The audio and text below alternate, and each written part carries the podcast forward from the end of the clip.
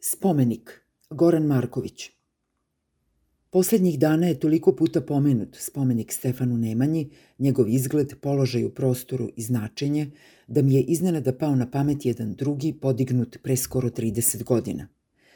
Njegovog autora, Bogoljuba Arsenijevića, poznatog u Valjevu kao Maki, snimao sam kao jednog od protagonista u mom dokumentarnom filmu Nevažni junaci, posvećenog malim, nepoznatim pobunjenicima protiv diktature Slobodana Miloševića.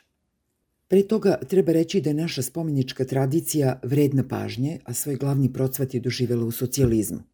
Ako izuzmemo kratak period socijalističkog realizma koji je trajao do 50. godina prošlog veka, većina spomenika nastalih u 60. i 70. godinama predstavlja izuzetnu hrabrost u upotrebi savremene forme i bezpogovorno poverenje koje je tadašnja vlast imala u avangardne umetnike kao što su bili Dušan Džamonja, Vojin Bakić, Miodrag Živković, Bogdan Bogdanović i još mnogi.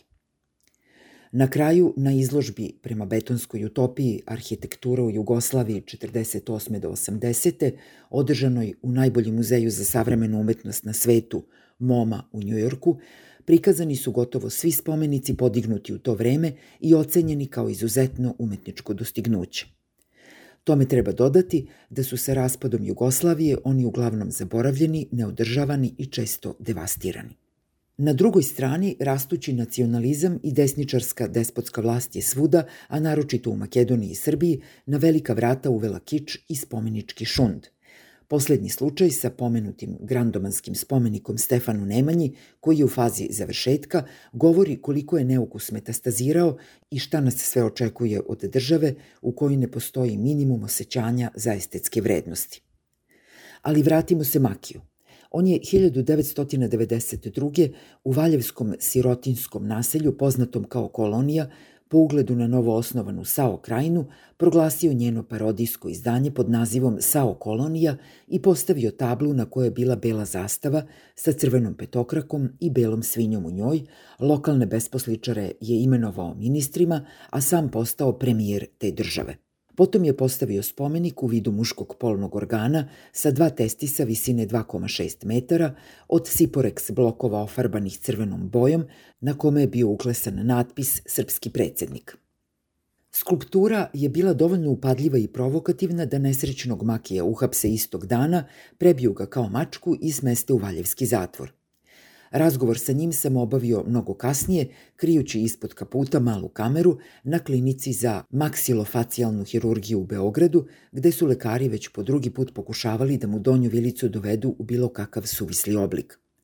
Dok je čekao da ga uvedu u operacionu salu, čuvan od milicionera koji je bio prilično dobronameran, došapnuo mi je – ja nisam rob, ja govorim javno, a sudija jeste, on služi Miloševiću i režimu.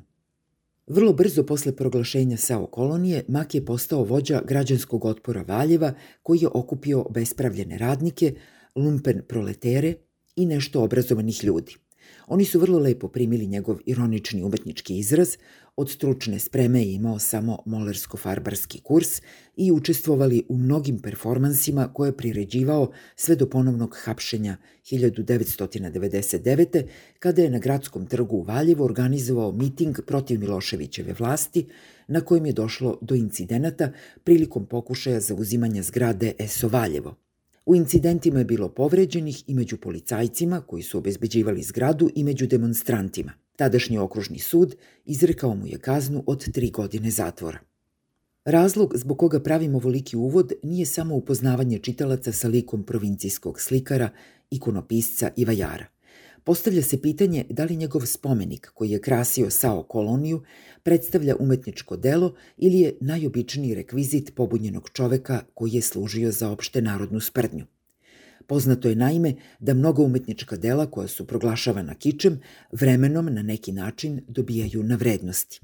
Zato bi, pravde radi, posle skoro 30 godina valjalo napraviti umetničku reviziju Makijeve skulpture iz Sao kolonije – Ako još postoji, srpski predsednik bi mogao biti izložen na uvid javnosti, stručne i laičke, da bi se videlo šta on danas znači.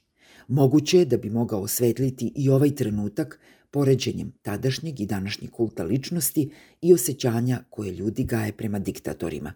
pogotovo oni hrabri i istrajni kao što je Bogoljub Arsenijević Maki.